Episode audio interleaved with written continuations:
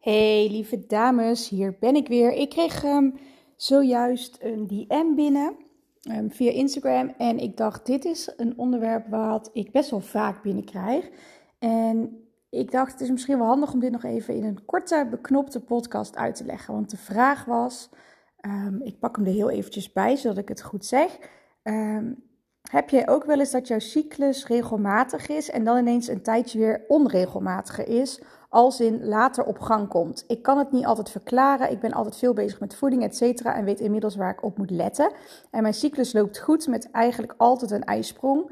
Ik meet dit met de Daisy. ik heb het gevoel dat het door de winter komt. Kan dat? Dus eigenlijk is de vraag: um, is het normaal dat je niet altijd even regelmatig bent en uh, komt het dan door de winter? Nou, ten eerste, wat is regelmatig? Um, er zijn maar heel weinig vrouwen die bijvoorbeeld elke maand exact dezelfde duur hebben. Het is normaal dat jouw lengte van je cyclus tot max 4 dagen, zeg maar, wijzigt. Dus stel, als je even pakt als 28 dagen als gemiddelde, alles tussen de 26 en 30 is dan eigenlijk nog steeds gewoon een regelmatige cyclus. Het hangt gewoon van verschillende factoren af. Um, dus als het dat, dat een beetje wijzigt, dan kan dat. Nou is de vraag hoe wijzigt dat dan? Ja, en dat komt door twee dingen eigenlijk komen. Of jouw ovulatie, die vindt, stel dat, dat je cyclus opeens langer is. Laten we dat als, uh, als uh, uitgangspunt nemen. Stel dat jouw cyclus opeens twee of drie dagen langer is. Dat kan of komen doordat jouw ovulatie later heeft plaatsgevonden. Dus dat uh, waar je misschien normaal gemiddeld op dag 14 zit, is het nu misschien dag 16 geworden. Um, en vanaf dag 16, ja, dan duurt het ook dan iets langer voordat je menstruatie er is. Um, de periode tussen jouw ovulatie en jouw menstruatie hangt af van de hoeveelheid progesteron dat jouw lichaam heeft aangemaakt. Uh, dat gaat zo: het vliesje wat om jouw eicel heen zit, zodra die nog, zolang die nog uh, niet gesprongen is, um, zodra het eitje eruit springt, verandert dat, dat vliesje in het hormoon progesteron. En het heeft heel erg met de kwaliteit van het rijpen van jouw eicel te maken, hoeveel progesteron je lijf heeft aangemaakt. En in principe is het zo, op het moment dat jouw progesteron helemaal op is, dan start jouw menstruatie.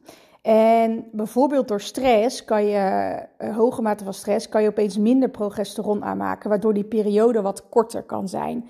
Um, het kan juist ook dat je, omdat je ja, hele goede maand hebt gehad, om het zo maar te zeggen, dat je opeens veel meer progesteron hebt aangemaakt. En waar dan misschien jouw jouw innerlijke herfst, dat stukje tussen ovulatie en menstruatie, waar je daar misschien normaal 12 dagen hebt zitten, wordt het opeens 14 of 15, waardoor net je cyclus iets opschuift. Dus um, ja, dat kan er eigenlijk allemaal mee te maken. Dus of het heeft te maken met en wanneer jouw ovulatie plaatsvindt. Dat kan schuiven. Dat heeft te maken met de aanmaak van je oestrogeen en het rijpen van je eitje en hoe gemakkelijk dat gaat. Um, daarnaast komt daarna vooral komt progesteron om de hoek kijken. En ja, hoe meer je daarvan hebt, um, ja, hoe langer dat kan duren. Nou zit daar wel een max aan.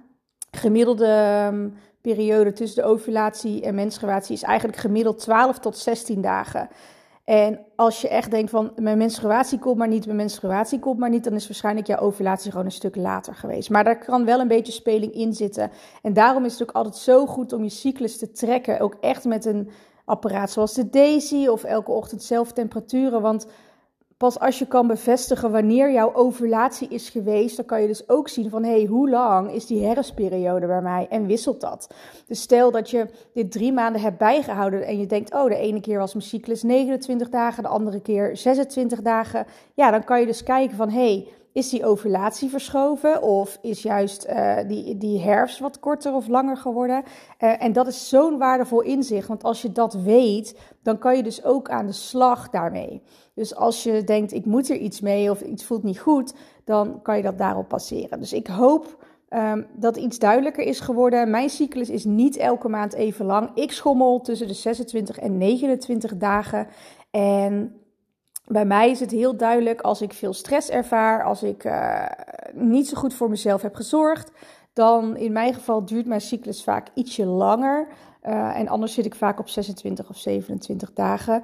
Uh, maar dat is ook niks om je zorgen over te maken. Maar het is dus normaal. En het is zo belangrijk voor jezelf om te weten wanneer je ovulatie heeft plaatsgevonden. En in de volgende podcast ga ik je daar uh, nog even wat uitgebreider op in. Ik hoop je daar weer te zien. Laat me even weten. En als je zelf een vraag hebt, stuur hem alsjeblieft naar mij toe. Ik vind het heel fijn om vragen te krijgen, want dan kan ik daar ook uh, uitgebreid antwoord op geven. Dus tot de volgende. Doei doei!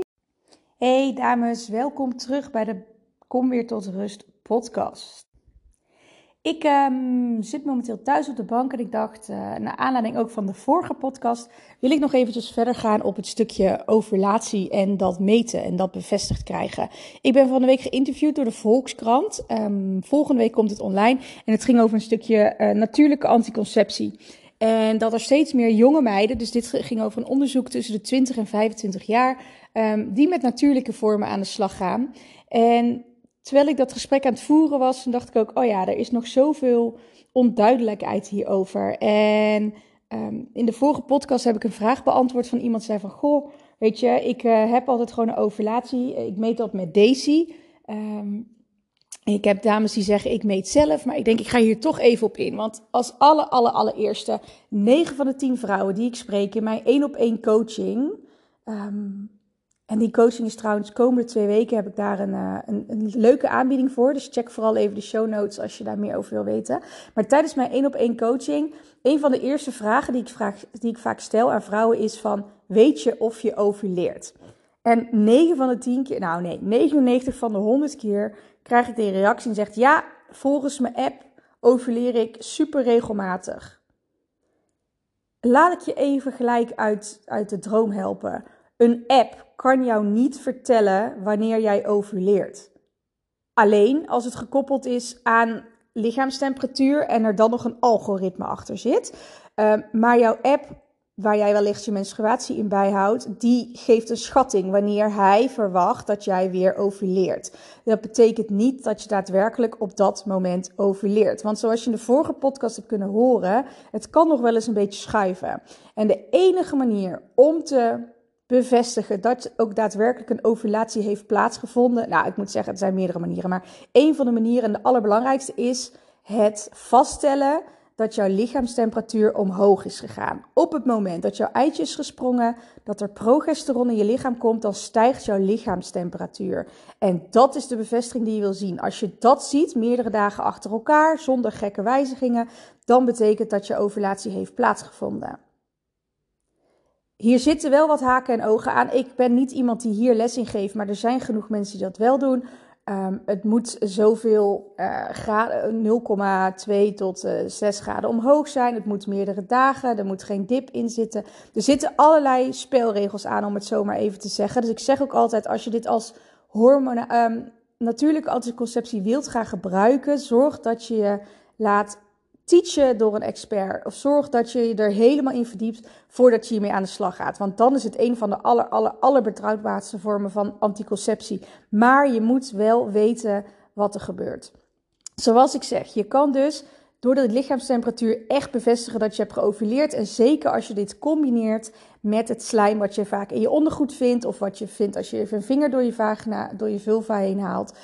Um, slijm, hoe doorzichtiger, hoe glibberiger, hoe meer en hoe elastischer, hoe dichter jij bij je ovulatie zit. En vaak, zodra je ovulatie is geweest, verandert dat meteen. In elk geval, bij mij is het heel duidelijk, voor sommigen is het iets minder duidelijk. Ga dit voor jezelf trekken. Ga dit voor jezelf controleren, want dan weet je gewoon, hey, Volgens mij zit ik in mijn vruchtbare periode. En dan kun je ook gaan kijken hoe voel ik me qua energie en wat zegt mijn app. Dus stel dat jij niet um, Ga temperaturen, wat ik je wel aanraad, maar stel dat je het niet doet, dan kun je altijd deze signalen nog in je app zetten en kijken of het dan overeenkomt. Zodra het verandert, zodra het niet meer elastisch is, niet meer slimy is, uh, de kleur verandert ook vaak meer in melkachtige kleur, dan weet je 9 van de 10 keer dat je ovulatie voorbij is. Maar nogmaals, het is een hele combinatie van factoren die je moet weten of gebruik een apparaat zoals de Daisy. Ik heb hier ook podcasts over gemaakt. De Daisy um, is hier ook heel erg goed in. Temp drop kun je ook doen, maar dan moet je zelf je gegevens nog uit kunnen lezen. Um, zorg als je mee aan de slag gaat dat je die doet. Maar het allerbelangrijkste waar ik dus vooral even op in wilde gaan is... Het is zo belangrijk om te weten of je ovuleert, want anders weet je ook niet of je menstrueert. En soms zeggen we wel eens hè, ik bloed elke maand, dus ik overleer elke maand. Dat is dus niet het geval. Het hoeft niet zo te zijn dat jij elke maand een ovulatie hebt. Het kan wel zijn dat je dan nog een beetje een onttrekkingsbloeding hebt. Dus dat um, het opgebouwde baarmoederslijmvlies, wat er toch is opgebouwd, maar het zal minder zijn dan normaal met een ovulatie, ja, dat dat toch een beetje loslaat. En ja, dan denk jij misschien, hé, hey, ik heb een hele regelmatige cyclus. Maar dat betekent dus helemaal niet dat jij een ovulatie hebt gehad. Dus nogmaals, het is zo belangrijk om je ovulatie te doen. En jouw app kan je niet vertellen wanneer jij ovuleert. Dus ga ook nooit aan een app zonder temperatuurgegevens um, ja, ervan uit dat dat klopt. En dat je op die manier dan uh, wel of geen seks moet hebben of onbeschermd of niet. Gebruik dat alsjeblieft niet. Um, er zijn ook strips waar je overheen kunt plassen om te kijken of je LH-hormoon al hoog is. Nou, dat betekent eigenlijk dat als dat hoog is, dat, dat um, uh, je ovulatie er bijna is. Um, die kun je ook gebruiken, maar ja, om dat nou elke maand te doen, is misschien ook niet heel erg fijn. Dus ik adviseer eigenlijk altijd om die temperatuur te meten, want het, geeft je nog zoveel meer info um, over je lichaam, over je temperatuur, over je slaap, etc. Dit wilde ik vooral even meegeven, in combinatie met de vorige podcast, dat Onthoud, jouw app kan niet voorspellen wanneer jij ovuleert. Dat kan helemaal niemand. Het enige wat je kan doen zijn de signalen uit je lichaam interpreteren. En dat is het allerbelangrijkste. Dus heel veel vrouwen zeggen: hè, ik kan het ook voelen wanneer mijn ovulatie plaatsvindt. Super, maar je kan ook toevallig net buikpijn hebben. Dus um, even heel overdreven, combineer altijd de factoren voordat je zeker weet wat er is gebeurd. Nou, dat was hem weer voor nu. Ik hoor heel graag of jij nog vragen hebt, dingen die ik heb kunnen behandelen. En zo niet, dan spreek je de, de volgende keer gewoon echt heel graag weer. Tot dan, doei doei!